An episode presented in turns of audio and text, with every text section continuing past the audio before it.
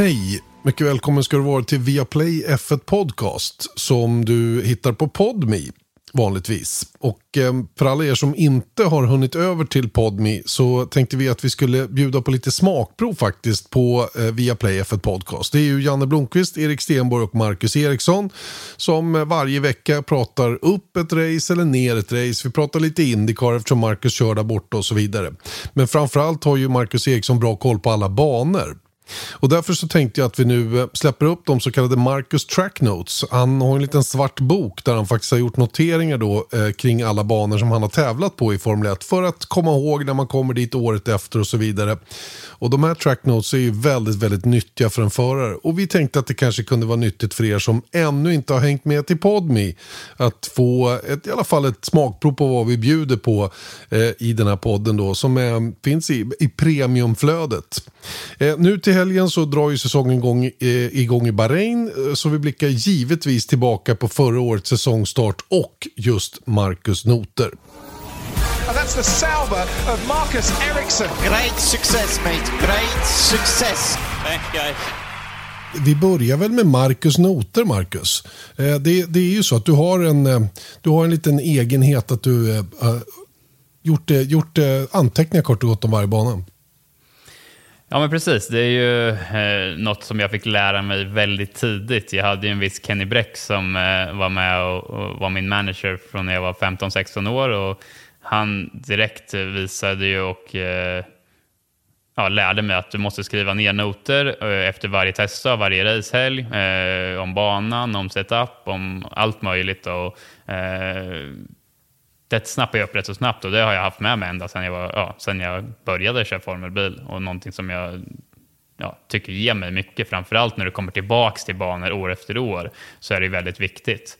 Eh, så, så jag har helt enkelt skrivit eh, ja, noter efter varje racehelg, eller gör det efter varje racehelg och varje test. Så det är den gamla boken vi ska damma av nu, den gamla F1-dagboken och damma av och se om, eh, om vi kan eh, ja, lära oss någonting där. Hur jag tänkte säga det. det. Du fick väl gräva djupt in i, i förrådet. Det är imponerande att den är med till USA till att börja med. Ja, men exakt. Den har inte använts sedan 2018 den här boken. Nu är det ju en ny Indycar-dagbok jag har istället. Men, eh, men det fanns lite gott, eh, gott och blandat där att hitta i, i F1-boken också. Kör! Yes, ja, men vi hoppar väl in här. Eh, som sagt, jag skriver både lite om allt möjligt, men jag tänkte det vore kul att gå igenom banan eh, med noterna för just körningen som, som jag använder alltid när jag kommer till en bana igen. Så vi går igenom det här kvällen innan eller dagen innan och liksom läser. Ja, men, hur ser det ut i, på, på varvet? Vad måste man tänka på? Så jag börjar läsa rakt ur det här. Då. Eh, kurva 1. Fokus på att maximera bromsningen, cirka 100 meters skylten beroende på vind, slash däck och så vidare. Tvåans växel, mid-track i exit för att förbereda kurva 2. Viktigt att vara tidigt på gas. En klassisk V-kurva. Vad är en V-kurva då? Ja, en V-kurva. Eh, en V-kurva för mig i alla fall är att när du bromsar hårt och bromsar hela vägen till Apex.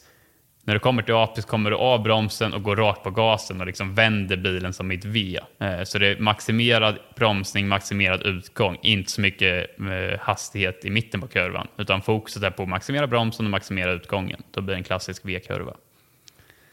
Eh, och anledningen till att det är så viktigt för mig, eller att det är en klassisk V-kurva, är just för att du är en rak inbromsning och sen är det ju en väldigt viktig utgång. Även om det inte är en rak utgång så är det viktigt eftersom du måste vara full gas i kurva 2 som vi kommer till. Eh, kurva 2 då, då är det full gas om du har gjort kurva eh, 1 korrekt. Använd all curb i utgången och det är lätt att få överstyrt slash hjulspinn på gamla däck. Här har vi ju sett eh, några råka illa ut i utgången där, upp mot kurva 3 då, och smälte i muren på utsidan. Man helt enkelt får för mycket hjulspinn, man är för ivrig på gas. Är, är, det så? Man, är det så jag ska uppfatta det?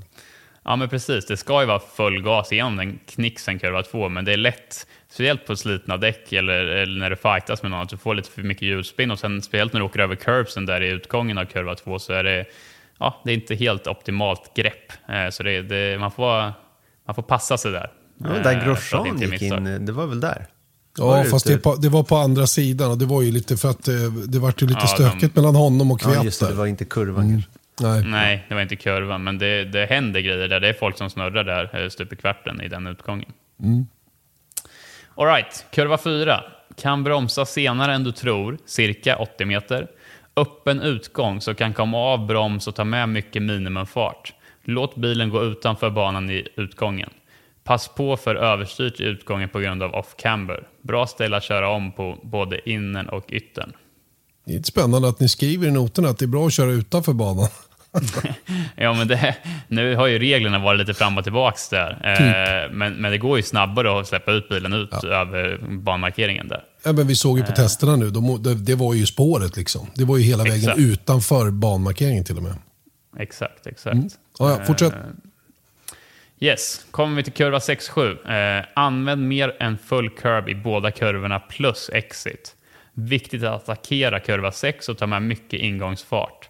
Dock, tänk på att hinna få tillbaka bilen en aning för att förbereda kurva 7.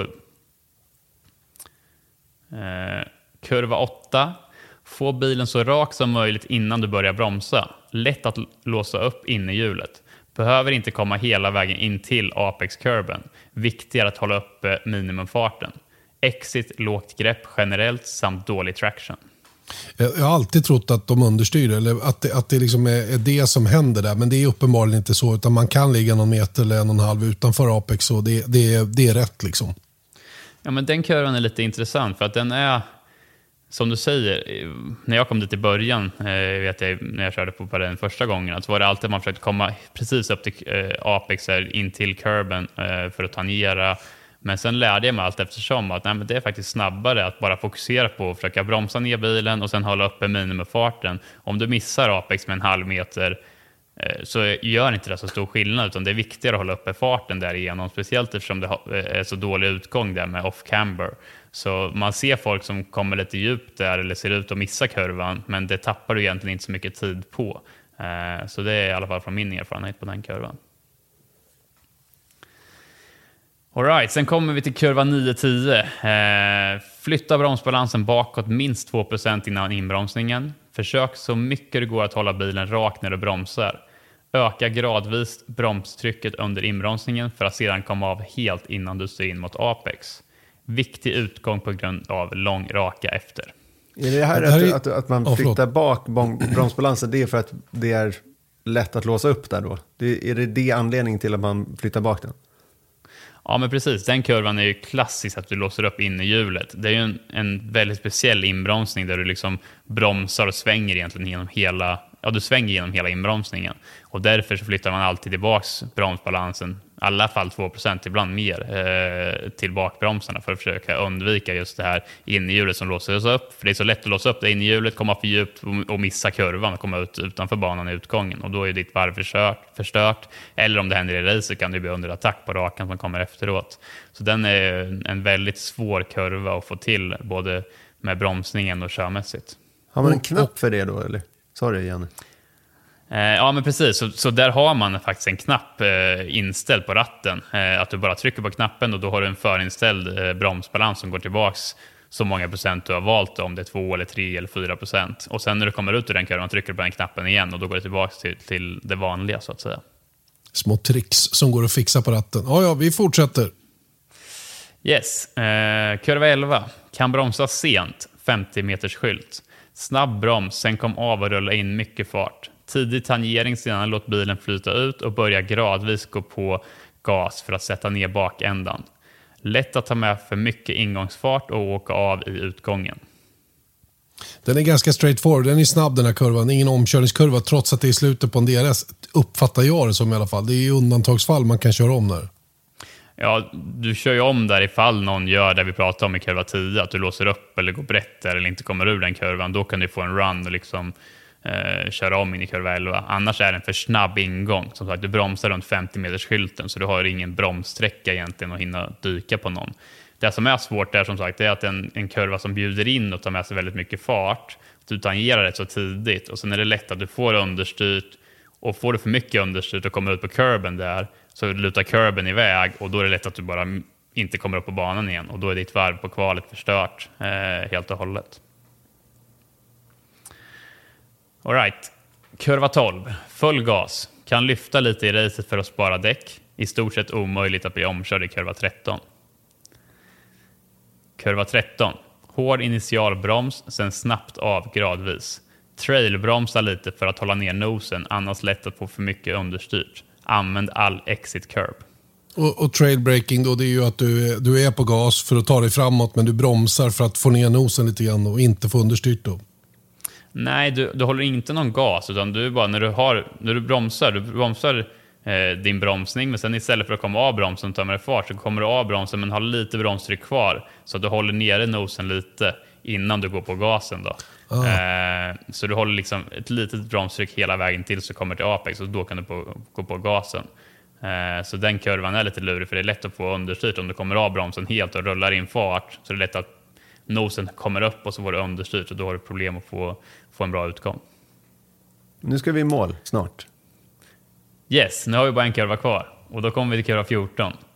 Och där står det så här, var inte den senaste av the late breakers. Viktigare att sätta apex samt exit. Utgången öppnar sig mer än du tror. Och det är lite roligt för att där är det en sån där kurva som bjuder in till att vara, du vet den sista kurvan på varvet, speciellt på ett kval så vill du liksom, ja, du har gjort ett bra varv och så har du en kurva kvar.